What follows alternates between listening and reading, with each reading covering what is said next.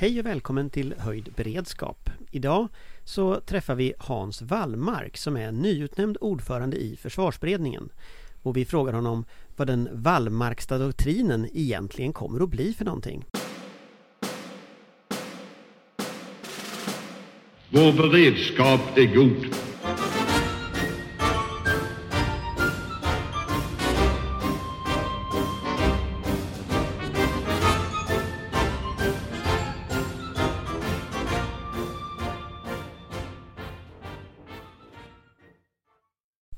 Hej, då sitter vi här i studion med, med Hans Wallmark. Välkommen! Stort tack! Varit här förr. Varit här förr, förra gången faktiskt. Ja. Och vi som är här, det är jag, Anders Lindberg. Patrik Oksanen, Tankesmedjan Frivärd. Johan Victorin, VD Intil. Och Hans Och Amanda, ja, förlåt, Amanda Wollstad, eh, Svensk Tidskrift, eh, på plats ner från Malmö. Och precis från Malmö och från nästan Malmö, fast här. Just det, Ängelholm, men i Stockholm, i eh, studion, eh, Hans Wallmark. Varmt välkommen hit och grattis till ditt nya uppdrag som ordförande i försvarsberedningen. Tackar! Kan du liksom bara berätta lite vem du är? Ja, för de som då har glömt allt vad jag sa vid förra podden eh, så ska jag då eh, med de med dåligt minne påminna. Eh, jag är då riksdagsledamot för Moderaterna för valkretsen norra och östra Skåne och utöver nu att vara ordförande då i försvarsberedningen så parlamentariskt så är jag då ordförande i EU-nämnden vilket nu är verkligen ett viktigt organ där Sverige går in i ordförandeskapet i EU och är också ordförande i Sveriges delegation till NATO. Och om man tittar lite på eh, försvarsberedningen lite kort så här. Nu är det regeringsskifte, det är en ny försvarsberedning som tillsätts här. Vad kommer den att ha för funktion nu framöver? Alltså försvarsberedningen är ju en ganska ny och på sätt och vis främmande fågel i den svenska offentligheten. Den har funnits i ungefär ett 30-tal år och i grunden ett förhandlingsorgan från regeringen med alla riksdagspartier.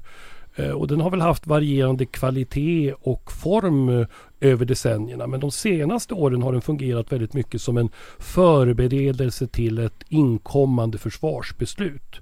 Eh, och när den är som bäst, och det kan man säga att den var under förra gången vi hade försvarsberedningen under Björn von Sydows ledning. Då är det ett organ för genuint utbyte, förtrolighet mellan riksdagspolitiker som håller på med försvars och säkerhetspolitik. Och när det är som sämst så blir det bara käbbel. Men om man tittar nu utifrån förutsättningarna. Du har 12 ledamöter tror jag väl? 11 blir vi, eller 10, med, 10 utöver jag själv, så vi är 11 allt som allt. 11 allt som allt, ja. Och eh, vad ser du för liksom, nu har du med alla riksdagspartier runt bordet. Hur ser du möjligheten att komma överens utifrån det något speciella läge som är just nu? Ja, jag har ju suttit i olika försvarsberedningar de senaste tio åren. Så att jag har ju viss erfarenhet. Jag tror att tillsammans med Peter Hultqvist kommer jag vara de runt bordet som har liksom varit med om olika försvarsberedningar. Så på, på ett plan så eh, kan man tycka att det skulle kunna vara lättare att komma överens nu Eh, och hitta eh, bred samförstånd. Därför att nu är åtminstone sex av åtta partier för ett svenskt NATO-medlemskap. Jag tycker dessutom inte att Miljöpartiet sparkar emot så mycket heller. Så att jag skulle säga sex och ett halvt parti verkar vara acceptera tanken på ett svenskt NATO-medlemskap. Eh, alla partier, alla åtta, har sagt att man vill upp mot 2% av BNP, motsvarande 2% av BNP i, i försvarssatsningar. Det är ju två ganska stora byggstenar som ligger där. Det som då är det kanske de försvårande omständigheterna det är ju att vi är ganska kort tid efter ett val och det finns eh, tycker jag mig kunna förmärka hos de partier som inte längre uppbär regeringsmakten en viss bitterhet. Och den hoppas jag då kanske kan undvikas in i försvarsberedningen. Så att objektivt sett så tycker jag det finns goda förutsättningar att liksom verkligen kunna prata med varandra på djupet kring innehållsfrågor och inte ha så mycket tuppfäktningsmatch kring formfrågor. Men tänker du dig att liksom nästa försvarsbeslut är det du siktar på eller siktar du på massa saker innan dess? Vi har ett ordförandeskap, vi har ett krig i Ukraina, vi har massa andra frågeställningar som dyker upp. Ja, nu är det inte bara så att vi... Ja, så här, jag tycker försvarsminister Paul Jonsson och statsminister Ulf Kristersson, de deltog ju på presskonferensen tillsammans med Carl-Oskar Bolin igår. Den var ju alltså igår. Absolut. Igår, precis. Mm. Och eh, det tycker jag, bara det är en otrolig markering. Jag vet inte senast när en försvarsberedning presenterades av statsministern eh, tillsammans med två eh, sekunderande eh, statsråd. Eh, och då betonades från deras sida väldigt mycket den oberoende rollen, den fristående rollen. Det tycker jag är väldigt glädjande och det är ju att återgå till liksom grundidén för försvarsberedningen. Eh, men vi har ju ändå fått direktiv eh, och det innehåller då beställningar utav ett antal rapporter. Dels så ska det göras en, en eh, e-, ekonomisk analys och en genomförandeanalys utav det nu pågående försvarsbeslutet. Det ska vara levererat i april nästa år. Eh, I juni nästa år så ska en första delrapport komma och den kommer då handla om säkerhetspolitiken. Och sen kommer hela slut och huvudrapporten eh, i april eh, 24. Eh, sen direktivet är öppet så tillvida att man till slutrapporten också kan komplettera och lägga till och dra ifrån. Och det tror jag är väldigt klokt därför att säkerhetspolitiken de senaste åren visar ju att man ska, man ska ha ganska kort ledtid mellan den sista händelsen och eh, eh så att säga, boken går i tryck. Jag tänkte på, eh, hur fungerar det här? Om du kan berätta lite om arbetet i beredningen för de som lyssnar. Hur tar ni intryck och vad är det liksom som vägleder er i era överväganden? Och då blir mitt svar en kombination utav hur det har varit och hur jag själv tänker mm. vilja lägga upp det. Eh, och i grunden så är det ju så att eh, man träffas huvudsakligen på onsdagar, det har varit onsdag förmiddagar. Eh, och då har man dragningar, eh, informationspunkter från relevanta myndigheter, från forskarvärlden, eh, det kompletteras med ganska mycket utåtriktad verksamhet. Det har varit en del, ja, man håller föredrag och deltar på seminarier men också utlandsresor. Och där är det ju naturligt när vi nu ska analysera säkerhetsläget att vi verkligen pratar med närområdet, det vill säga Norden, Baltikum och relevanta huvudstäder. Eh, jag tror dessutom att, och det ska man komma ihåg att det som blir en av våra kanske viktigaste uppgifter nu, det är ju att mejsla fram den säkerhetspolitiska doktrinen bortom 1809. Det tidigare har varit att vi har försvarat Sverige. Nu ska vi försvara Sverige i en kollektiv försvarsdimension. Vi ska, gör, vi ska försvara Sverige men vi ska göra det tillsammans med andra. Det är helt nytt. Eh, allt detta om den svenska allianslösheten som ska leda till neutralitet. Det ska ju bort. Och då ska vi formulera hur ser Sverige ut i NATO-kontexten? Eh, och det blir, det blir ju så att säga det stora uppdraget och det ser jag framför mig att det vore väl bra om man kunde ha de formuleringarna eh, till, säg då junirapporten, alltså nästa års rapport. Eh, och därför är det också otroligt viktigt att ha de här stora öronen nu. Och inte minst, vilken förväntansbild finns det från NATO och andra länder på Sverige och Sveriges eh, insatser för att försvara vårt land men göra det tillsammans med andra? Eh, du nämnde april här eh, och det är väl den så kallade mellanstationen eller kontrollstationen som den förra försvarsberedningen då la in sådär halvtid i, genomförandet av, av försvarsbeslutet. Eh, och det har ju hänt en del saker sedan dess. Eh, vi har ju NATO-ansökan och sen har vi också beslutet om att nå 2% av BNP så snart det är möjligt.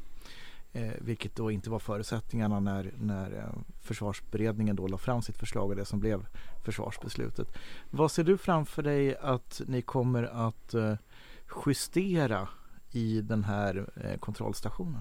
Jag var ju med om de tidigare förhandlingarna också och det resulterade ju i Vi satt ju då på försvarsdepartementet och hade bokstavligt talat förhandlingar mellan partierna och dåvarande försvarsminister Peter Hultqvist. Och det resulterade ju i den här marsuppgörelsen eh, då man också gjorde kompletterande eh, tillskott i årets budget. Och det var ju också som en direkt effekt utav 24 februari inmarschen, eh, den stora ryska inmarschen i Ukraina. Ehm, och då det har ju då så att säga när vi har också förhandlat även från försvarsbeslutet och i december 2020 så finns det ju framförallt en del materielprojekt som inte har kunnat rymmas i den stora säcken.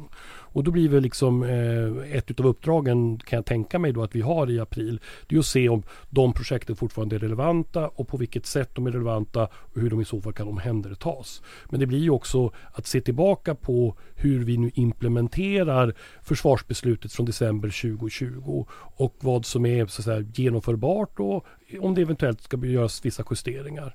Eh, så att det är precis som du säger att där kommer ju alla partier Alltså alla partier i mars i år kom ju överens om att man skulle ha en kontrollstation och att en försvarsberedning skulle tillsättas efter valet.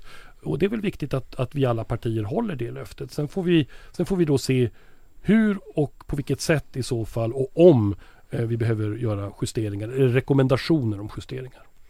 Johan, sen tänkte jag släppa in Amanda. Mm, bara kort påhak där. Det måste ju vara en jättesvår uppgift att lägga den kontrollstationen, alltså genomföra den när man gör den innan ni har gjort själva så att säga den här nya analysen som du pratar om här med eh, hur vi försvarar oss kollektivt. Absolut. Eh, man Hur ska- tänker du där? Jo, och då tänker jag så här, då går jag tillbaka till de direktiv som vi ändå har fått. Och då finns den här generalklausulen att man då fram till slutrapporten kan få komma med kompletteringar och justeringar. Så jag ser det som en, eh, en första massageövning eh, här i april. Och sen ser jag liksom ändå slutrapporten som huvudprodukten. Så ordförande Wallmark kommer behålla lite handlingsfrihet där med andra ord. Eh, det kommer han nog att eh, verkligen kämpa för. Amanda. Berätta lite mer om direktiven du har fått. Du pratar, eller ni har fått. Eh, du pratar om att utforma en ny säkerhetsstrategi eh, för, för Sverige i NATO. Men vad är de andra stora utmaningarna som ni står inför?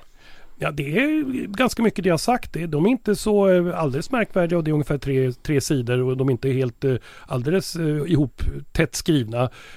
Så att det är en ganska stor frihet. Men där det ändå är säkerhetspolitiken, den säkerhetspolitiska analysen och ekonomin. Det vill säga både hur det nuvarande försvarsbeslutet ska omhändertas och hur det kommande ska gestalta sig. Eh, det, är, det är ganska mycket så, så att säga, inriktningen kommer vara. Eh, och det är väl där det, och det är väl i grunden just bra för det gör ju att de här 11 ledamöterna och så kommer det vara ganska många tjänstemän och expertiser runt bordet. De har ju då möjlighet i ett förtroendefullt samtal att faktiskt skapa någonting tillsammans. Och det är min ambition att det är liksom den andan som ska sväva runt bordet. Eh, och jag vill kalla den eh, väldigt mycket Björn von Sydowsk. Mm, Patrik? Vad är de, Eller Amanda? Ja, Ja, förlåt. förlåt. vad är de största utmaningarna du ser i närtid? Ja, det är väl att, eh, så att säga, dagspolitikens tjuvnyp tar sig in i det förtroendefulla samtalet. Kan du exemplifiera det? Nej, men alltså så här, det det är väl alldeles uppenbart att vi fortfarande lever postvalet. Eh, vi var väl några stycken som tittade på den här agendadebatten dagen efter Nobelfesten och där kan man ju dra slutsatsen att man ska nog inte ha stora partiledardebatter dagen efter stora balunser. Alltså det var ju osedvanligt grinigt och eh, det, var, det var inte bra för svensk demokrati. Eh, alltså, och det, jag hoppas att man inte ska ha det. Jag ska lyfta fram ett, ett, ett gott exempel däremot. Jag ledde ju det öppna samrådet som, som tv-sänds och webbsänds igår Eh, med statsministern inför Europeiska rådet. Eh, och även om andra partier har kritik mot regeringen och synpunkter så tyckte det ändå liksom var en viss resning och en viss värdighet hos de som deltog eh, från alla partier i EU-nämndens öppna sam samråd. Så jag tycker man, man får gärna puckla på varandra och jag, Peter Hultqvist och jag har genom åren liksom gjort det. Men man behöver inte ta ära och heder utav varandra och det är det jag hoppas att den, den, den ja, det finns ju en viss bitterhet att hantera och att den inte ska tas in i rummet utan att man ska göra det här frimodigt. Men om man tittar på lite innehållet också i det här nu för att, för att jag tänker att vi, det finns ju Det här är mycket formfråga men om man Om man börjar liksom i den stora delen Vi har ju pratat tidigare här om, om behovet av en ny stor strategi att Att den gamla strategin på punkt efter punkt blir obsolet liksom EU-politik eh, Försvarspolitiken, relation till NATO, handelspolitik Allting förändras av den nya kartan Om du ser liksom En ny stor strategi Om du skulle här, rita upp konturerna av den Wallmarkska doktrinen om vi ska kalla det den. Vad, vad, hur ser den i så fall ut? Ja, det är ju två dominerande krafter som påverkar oss brett. Det är ju Ryssland och det är Folkrepubliken Kina. Det, det är liksom, och det är ju ingen big science detta utan det är ju vad liksom alla skarpa länder pekar på. Sen gör man olika viktningar av, är Ryssland farligare än Kina? Jag, jag tror att det är viktigt att man har, det är tur att vi har två ögon så vi kan titta skelande eh, mot, i, i båda riktningarna. Eh, sen tror jag att man, eh, om man nu ska addera till olika saker, jag tror att demokratins tillbakapressande, just det här öppna samtalet, eh, respekten för andra, det är en faktor som vi verkligen liksom ska väga, stoppa in i, i politiken.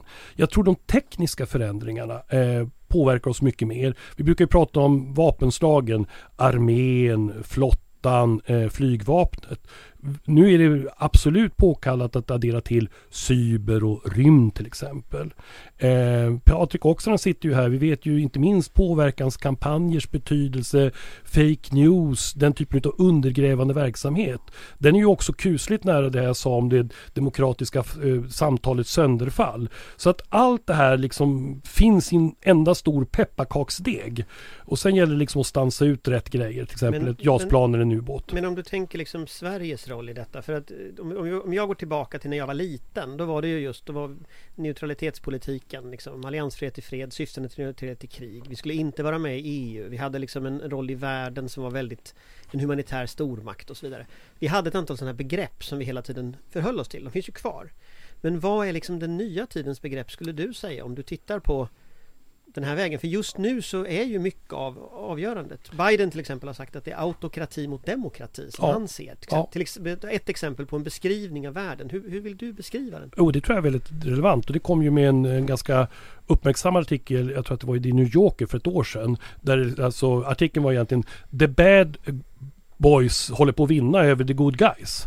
Eh, och det tror jag är liksom absolut en, en, en faktor att ta med sig. Just därför är det så otroligt viktigt att, att stärka allianserna utav likatänkande. Där betyder Europa mycket men också att värna bandet över Atlanten och då menar jag både USA och Kanada men också värna alliansen till andra delar av världen, Korea, Sydkorea, eh, Japan, eh, Taiwan, eh, Australien, Nya Zeeland. Sen tror jag då eh, att det som blir centralt både för Sverige som land men också för försvarsberedningen det är ju att försöka analysera den förväntansbild som kommer att finnas på Sverige som NATO-land.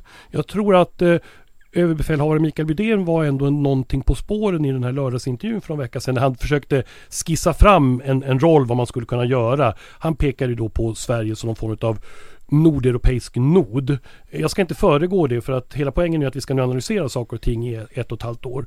Men jag tror att just vårt bidrag till den nordeuropeiska säkerheten är central. Sen ska vi förklara för alla att vi inte kommer in i NATO bara som en nordeuropeisk del utan man ska då prata om det här 360 graders perspektivet. Inte minst så att människor eh, längre ner i Europa runt Medelhavet, från västra Medelhavet till långt in i den östra delen av Medelhavet, känner sig trygga på att vi verkligen vill bidra till hela NATO.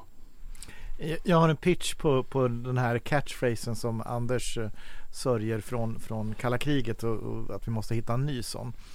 I demokratiernas frontlinje tillsammans med andra.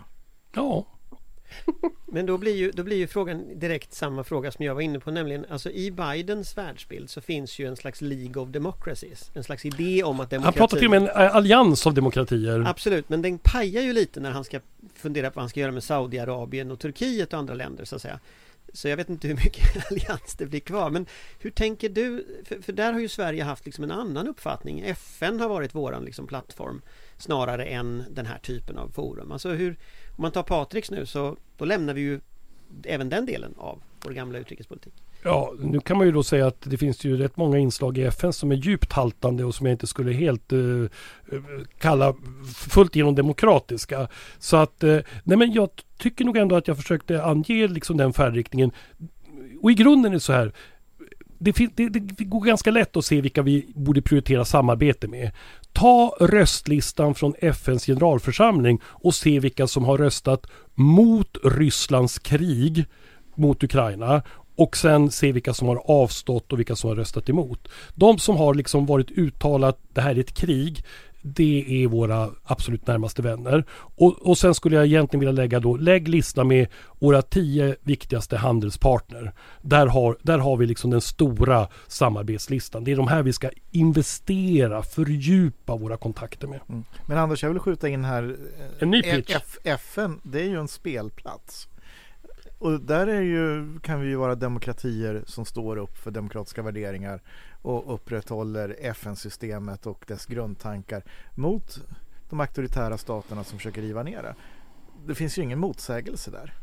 Jag tror det finns en motsägelse Jag tror det finns en motsägelse hur man prioriterar Och jag tror att det finns en, eh, en identitetskris lite Sverige har just nu där kanske borgerliga partier har mindre av en identitetskris än man har vänsterut. Men där de fundamenta som har funnits i hur man förstår världen, hur man förstår världspolitiken ändras på väldigt kort tid. Och där tänker jag att det är lite som med EU-medlemskapet, att man sökte EU-medlemskap liksom i en, en fotnot i en, en, en, an, Ekonomisk åtgärdsplan. ekonomisk åtgärdsplan. Alltså det, det är klart att det skapade ju sen ett problem som varade i 20 års tid av debatter i Sverige.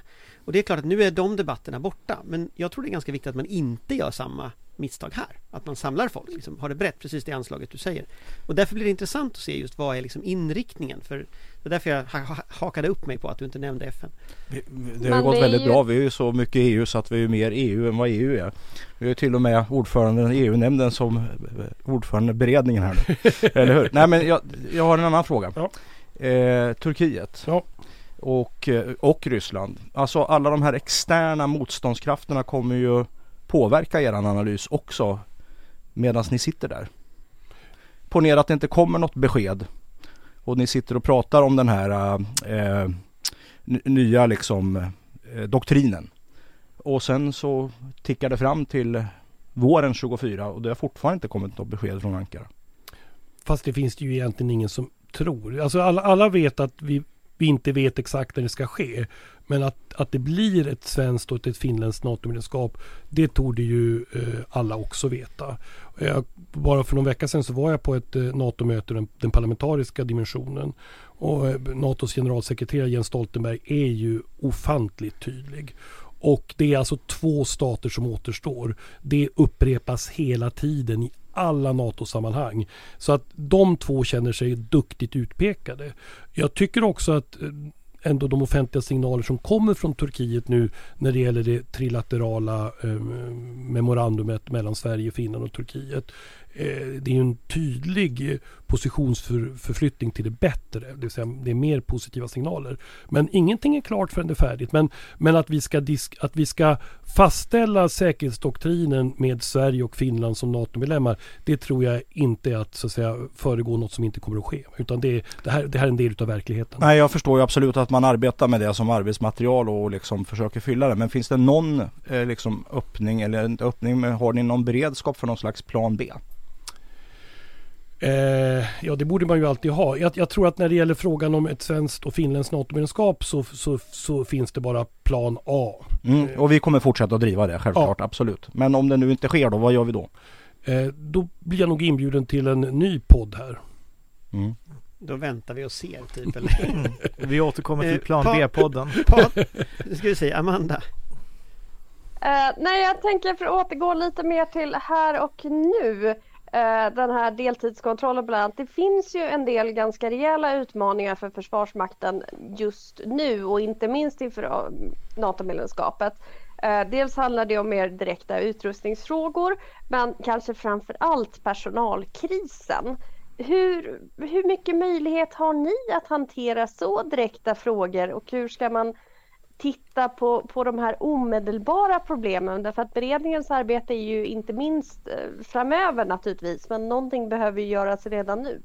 Men du har absolut rätt och just personalfrågorna är ju är djupt allvarliga. Det kommer dock inte som en överraskning för de som hållit på med svensk försvarspolitik. Det här har man kunnat se för flera, flera år sedan. Sen har det accelererat framförallt på pilotsidan nu i, i närtid. Men, men det, det, det, den som säger att det här är en överraskning den säger jag eh, ändå inte har läst på eller så ljuger den. Uh, jag tror att det finns en det här blir väl liksom den svåra balansgången för försvarsberedningen att liksom lägga sig på en tillräckligt hög hovrande nivå. Det finns säkert en lockelse att gå ner i liksom enskilda detaljer, materiellprojekt in till sista muttern om den ska vara vänster eller högergängad. Jag tror att det finns en fara i det. Men om jag tittar tillbaka retrospektivt på de senaste tio åren så finns det ju saker och ting som beredningen har gjort som sen har kommit att implementeras. Till exempel eh, eh utbyggnaden utav antalet värnpliktiga. Det har också funnits ett fokus på, på förmånspaketen. Jag vet att för tio år sedan eh, när vi då koncentrerade mer oss på de kontraktsanställda. De, eh, då var det ju också just vilka förmånspaket man ska ha. Sen blir det ju ändå ytterst inför försvarsbeslutet som man, man, man ger detta kroppen. Och sen blir det ju dragkampen mellan departement och myndighet som slutligen, slutligen avgör det där. Så att det, är- det, är- det är en, det är en raket i flera steg. Men att inte titta på rekryterings eh, förutsättningarna. Det tror jag vore, det, det, jag tror att det vore alldeles rätt utav beredningen att liksom fundera kring folkförankringen och därmed den långsiktiga rekryteringen till svenskt försvar. Det... Men om vi tar det lite mer på, på för jag menar personalkrisen är, vi, vi ser ju piloterna. Ja. Men vi ser ju också att det pyr ju på i snart när varje håll och att situationen egentligen är tuffare på många håll men, men piloterna har väl kanske möjlighet att vara lite föregångsmän i, i protesterna här. Eh, kan ni, ska ni, vill ni gå in och föreslå åtgärder med kortare varsel för att rädda upp situationen och hur, hur löser man liksom den akuta officerskrisen? Det skulle jag nog vilja säga är mer eh, dialogen, dragkampen mellan den exekutiva makten, säga regeringen, departement och myndigheten. Och, eh, och det som du säger, jag tycker det här är allvarligt. Eh, och det här är ju också en diskussion, eh, jag tittar lite på Anders, han, han är ju ändå ledarskribent på Aftonbladet. Vi har ju tidigare haft i Sverige den här diskussionen om att man skulle ha riktade lönesatsningar till till exempel till polisen. Och då brukar myndigheterna säga att jo men det där vill vi göra själva, det ska inte vara politiken som säger att det ska vara 5000 spänn mer. Det har varit riktade till, till lärarna. Och det där är, det, det är en dragkamp i det offentliga Sverige. Vad ska politiken göra och vad ska myndigheterna göra? Men jag tror att det är viktigt viktigt att politiken ökar trycket mot Försvarsmakten. För jag tror att rekryteringsfrågorna nu är utav väldigt stor betydelse och för piloter akut. Alltså, du har ju väldigt rätt i det. Eh, och den här satsningarna på lärarlöner och så är väl inte så lyckade om man ska vara helt ärlig heller. Eh, oavsett vad man tyckte om dem innan. Men om man tar en väldigt konkret fråga som uppföljning till vad Amanda säger. Eh, om vi ska bemanna NATO-staber. Det kommer ju vara din huvudverk. Även om det är en exekutiv fråga så ska du ett par hundra personer ska in där som väl finns någon annanstans just nu. Eh, och då måste du fylla på. Eh, alltså hur, hur, tänker du liksom strategiskt? Om vi inte bara tittar på själva lönefrågan för en pilot just nu i Norrbottens flygflottilj utan du tittar liksom på den här strategiska frågan. Vad, vad, tänker du liksom? Vad, vilka åtgärder kan man sätta in? Ja, det är ju i hög utsträckning, ska jag ändå säga, det är nog kanske överbefälhavaren som chef för Försvarsmakten som har den frågan. Däremot så tror jag att Försvarsberedningen på mycket tidigt stadium ska träffa företrädare för Försvarsmakten eh, just kring de typen av eh, bemanningsfrågor. Eh, min, mitt grundackord, och det tror jag, det ska möjligtvis Försvarsberedningen ha en synpunkt om, det är att jag tror att vi ska skicka de bästa. Därför att jag tror att eh, vi måste inse liksom att, att vi är NATO. Och då är det så att då ska vi inte hålla på de, de bästa russinen i vår egen kaka och, eh, och, och sen liksom tycka att ja, till Bryssel det kan, det, kan man, det kan någon annan sköta. Utan vi måste göra som Finland gjorde när båda länderna gick med i EU.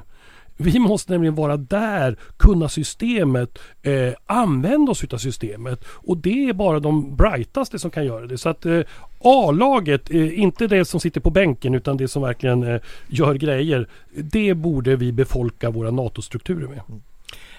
Det är ju en sak som har varit med försvarsberedningarna som man skulle kunna sammanfatta dem med eh, om man vill vara elak. Och det är ju för lite och för sent. I alla fall de som då började när man började vända upp det här lite långsamt. De andra kan man väl säga var för mycket och för fort i nedskärningsdelen.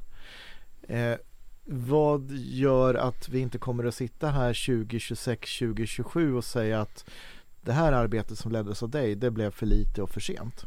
Eh, ja, så här, det kommer ni att göra. Eh, och förhoppningsvis så slipper vi den där eh, B-planspodden också. Nej men så här, därför att till syvende och sist, politiken är ett hantverk och det blir liksom den här interaktionen i det här fallet mellan 11 ledamöter Uh, och då blir det ett kompromissande. Det blir inte den perfekta världen. Nu är jag så att säga, liberalkonservativ så jag tror också att man ska undvika tron på den perfekta världen. Men däremot så är det ju otroligt viktigt att det finns utomstående som då säger att ni borde ha kanske viktat upp den detaljen, ni borde ha funderat mer på det.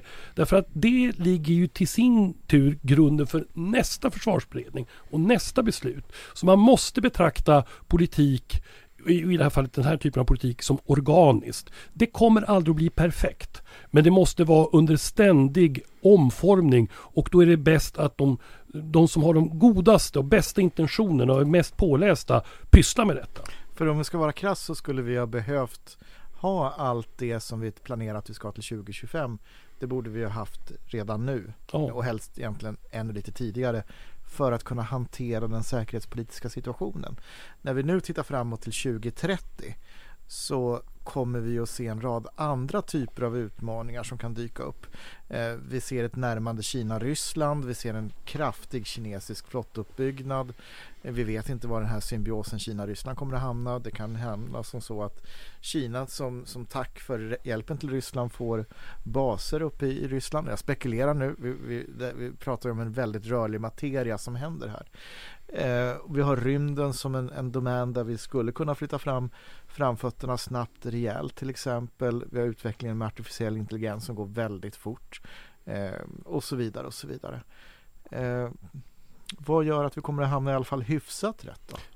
Nej, men däremot så just de här frågeställningarna som du pekar på var ju något som jag också på ett svar till Anders eh, gav. Jag tror att Ryssland-Kina, alltså hela, eh, ha två ögon, varsitt öga på dem. Jag tror på den här typen av nya domäner. Så det här tror jag, det kan nog omhändertas utav den nya försvarsberedningen. Det som vi inte pratar om, det är ju det vi inte vet. Men det kommer ju naturligtvis att finnas bortom 2030. Eh, och de faktorerna med all respekt, de är lite svåra att förutsäga nu. Men vi måste absolut inse att 2030 så är det absolut solklart att vi kommer att prata om andra saker också. Jag tror just nu de här sakerna, den tekniska utvecklingen Ryssland-Kina, det kommer att vara relevant under många, många, många år. Därför vill jag också säga någonting positivt om Peter Hultqvist. Han kommenterade i försvarsberedningen igår att den blev tillsatt. Eh, och då sa han som sitt medskick till det, eh, det var ju att vi får inte så att säga tappa garden i förhållande till Ryssland. Vi måste behålla insikten om faran med den ryska utvecklingen under lång tid. Jag tror att han har alldeles, alldeles rätt. Och är det den typen av smarta påpekanden som kommer att komma in i försvarsberedningens arbetsrum, då har jag goda förhoppningar. Amanda? Du hade en Nej, jag tänkte återkoppla till det eh, Anders eh, sa om eh, NATO-staberna. Eh, för där grumsas det ju också en hel del och, och 200 pers är ju ganska mycket och just nu är det väl lite oklart hur bra eh, de flesta officerarna i Försvarsmakten tycker att villkoren är för en sån utlandsvistelse. Eh, både vid NATO-staberna och annars så är ju inte minst eh, svårigheten att kombinera yrkesliv med familjeliv någonting som lyfts som en, en problematik och om man ska kunna ta med sig familjer och så vidare utomlands.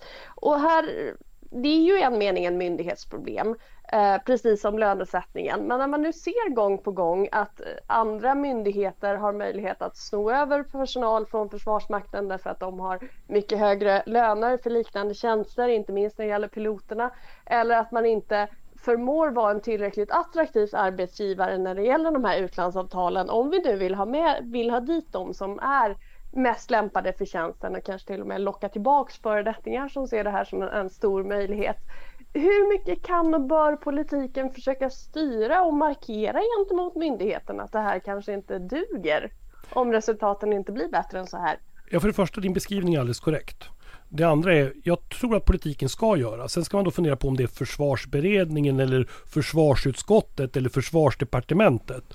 Men absolut så tycker jag man ska öka trycket. Det jag eh, kan erbjuda nu eh, så här över bordet i den här podden.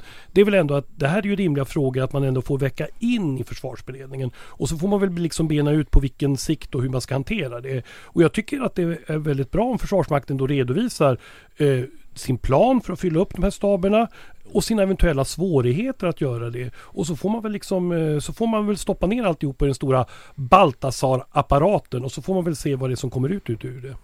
Underbart, det var Johan. länge sedan man hörde professor Baltasar. Ja, jag antar att er, er lyssnarpoddpublik är tillräckligt bevandrad i... Jag tror det faktiskt. I, i, i barnprogram från I barn- 80-talet. precis.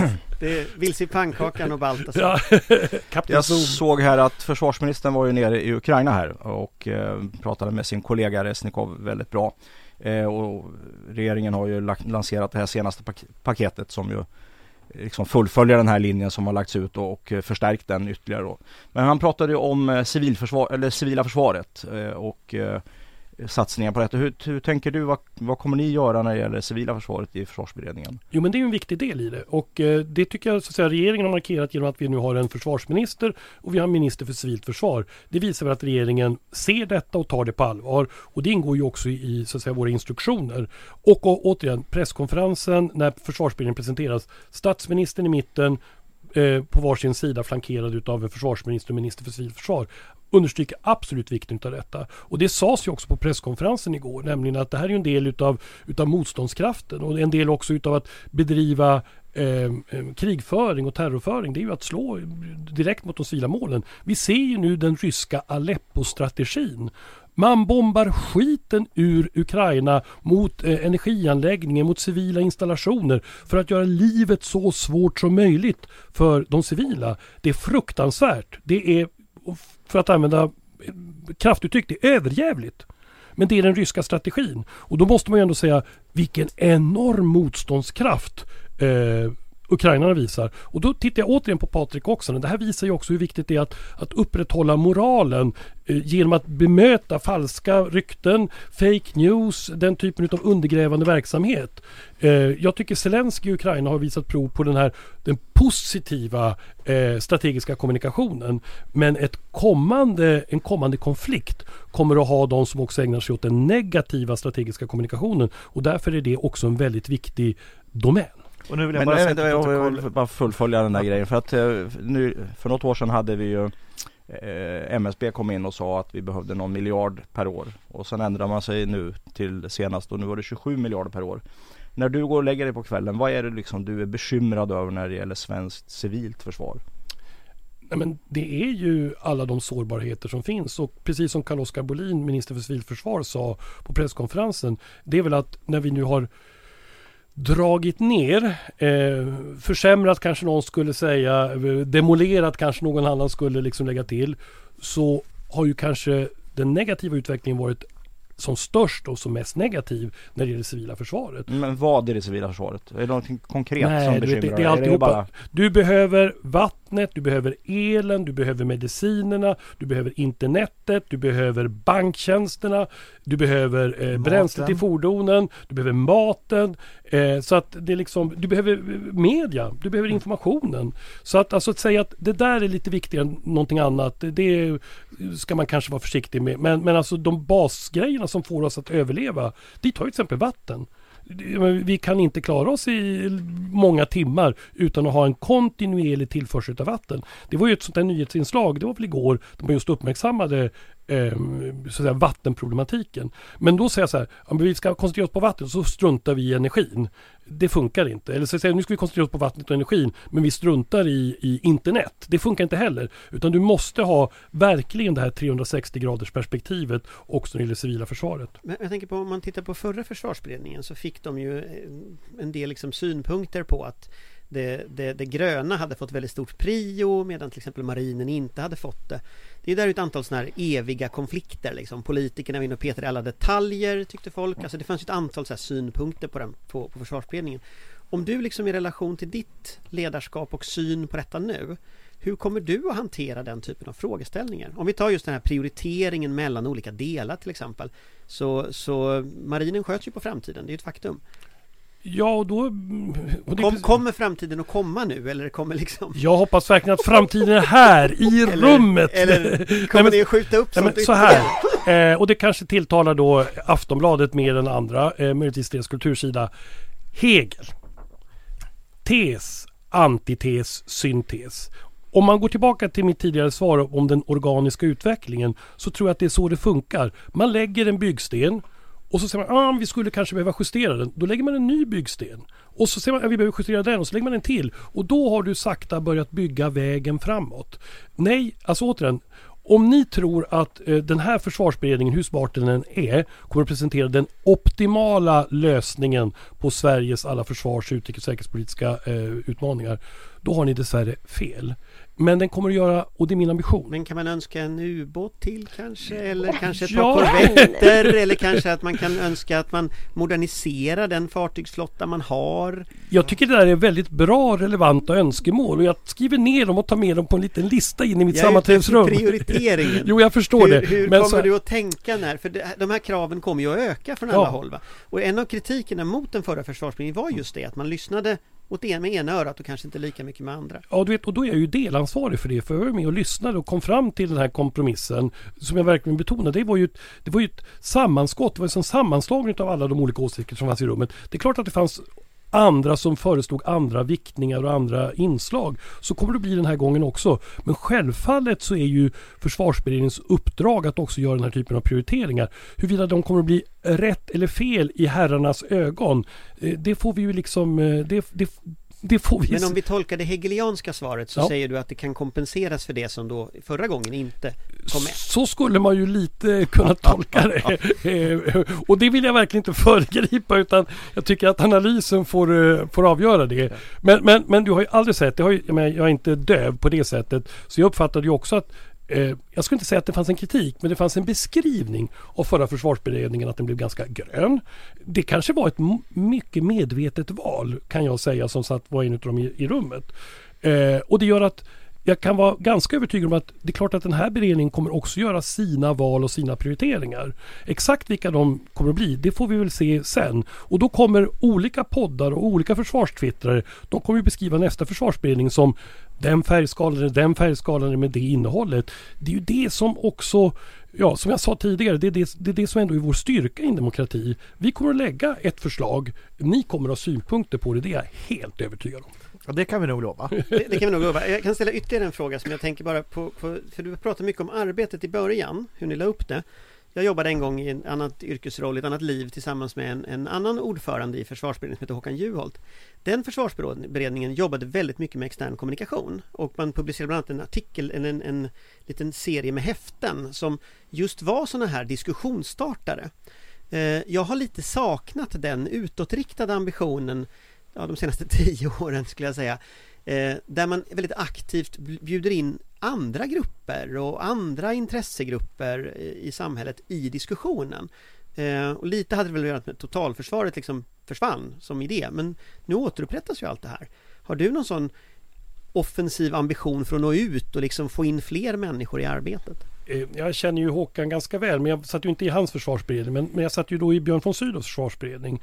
Eh, och där vill jag ändå säga att vi försökte jobba med några publika seminarier. eh, d- som, som just skulle vara en, en möjlighet att ha ett lite större och bredare samtal. Eh, och det tycker jag är en bra idé, så det vill jag gärna liksom Det vill jag återupprepa. Sen är jag inte säker på att det blir, alltså att man mäktar med den typen av skrifthistoria. Jag är svag för det. Jag kommer ju från en sån folkbildningstradition. Jag tycker det är liksom en, ett gott förhållningssätt. Men samtidigt så får man också ha den respekten. Vi skriver 14 december idag. Vi ska ha en slutrapport om ungefär ett och ett halvt år. Så det gäller att liksom få hinna med alltihopa. Men någon form av extern utåtriktad verksamhet som gör det möjligt att föra ett bredare samtal. Det är jag en stark anhängare utav. Vad säger du till de kommunpolitiker som nu sitter och hoppas på att Yes, nu ska vi få nya regementen till min ort. Jag är rädd för att det kommer att komma in eh, lite inbjudningskort och kanske redan nu om en vecka de första gå julkorten från olika orter. Eh, ja, men och då är jag så här. Vi, vi ska stärka svensk försvarsförmåga men vi ska inte förvandla det till regionalpolitik. Och det försökte jag vara väldigt noga med även i den tidigare försvarsberedningen och det här försvarsbeslutet. Valet av orter och platser måste kunna förklaras försvars och säkerhetspolitiskt. Inte eh, av olika former av regionala hänsyn. Det är försvaret av eh, Sverige som är det överordnade intresset för det arbete vi ska utföra. Inget annat. Inga nya skånska regementsorter som Kristianstad då. Alltså, eh, eh, eh, återigen. Försvaret av riket är det centrala. Men det är klart att eh, Kristianstad är särskilt ja, nej, men, nej, ja, eh, ja. Vi lämnar dig med den frågan och så Amanda. Ja, nej men det är väl, det ska bli väldigt intressant att se vad det här blir av helt enkelt. När har ni ert första riktiga möte? Det kan jag säga, nämligen i nästa vecka.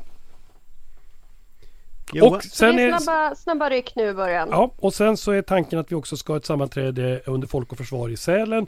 Inte minst där är ju också den här publika möjligheten, det vill säga det är ju ja, det är ju ett väldigt speciellt evenemang, Folk och Försvar i Sälen.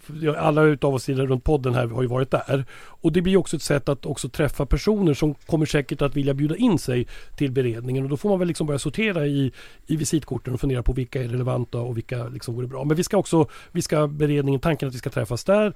Och tanken är att den första utlandsresan ska gå så tidigt som möjligt i januari till Finland för att markera den särskilda särart Sverige och Finland har tillsammans i försvaret och också att vi är NATO-medlemmar förhoppningsvis snart. Johan? Jag tycker det är bra med de där tydliga beskeden. Eh, en sak som har bekymrat oss många i, i, eh, när det gäller försvarsuppbyggnad och sånt är ju det här med uppräkning av index. Vi kan ju se här hur eh, räntor, inflation och eh, valutakurser påverkar vad vi får ut. Hur tänker ni hantera den där typen av frågor? Det är en frågeställning som återkommande har kommit upp både i försvarsberedningen och när vi har bedrivit försvarsförhandlingar. Jag kan säga att det är komplicerad materia och man blir ganska eh, matt i kroppen när man har bemötts utav olika sorters finansdepartement. Alldeles oberoende av vem som har regeringsmakten så kan man säga att finansdepartement ska komma dit och liksom förklara hur det är.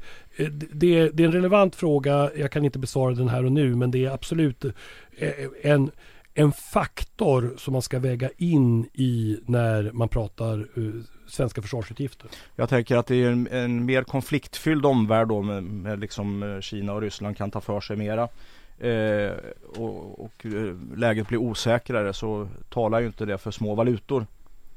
Finns det någonting på så att säga eurodiskussionen och den här typen av saker? Kan ni behandla sånt också? Eh, nej, och det tror jag inte försvarsberedningen vill göra heller. Fast det är ju ändå en säkerhetspolitisk Ja, men då del. absolut. Men eh, så här, jag, jag, min magkänsla säger att nej, frågan om euro kommer inte att komma upp. Eh, däremot eh, precis som du säger, alltså vi ser eh, en kronkurs som har tagit ganska mycket stryk, det vill säga en hög dollarkurs, en hög eurokurs, höga bränslepriser, höga råvarupriser, eh, leveransproblem. Eh, alla vill nu också köpa försvarsmateriel. Så det är klart att det här är ju en jätteutmaning för alla länder som nu vill stärka sin egen försvarsförmåga.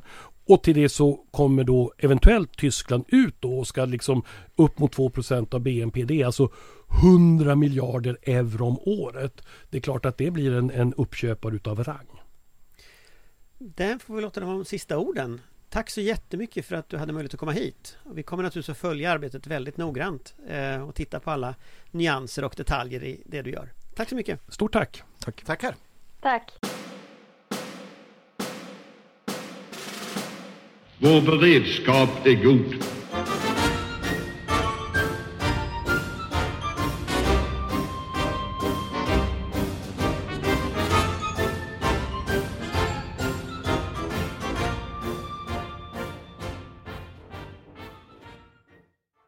Du har lyssnat på en podcast från Aftonbladet. Ansvarig utgivare är Lena K Samuelsson.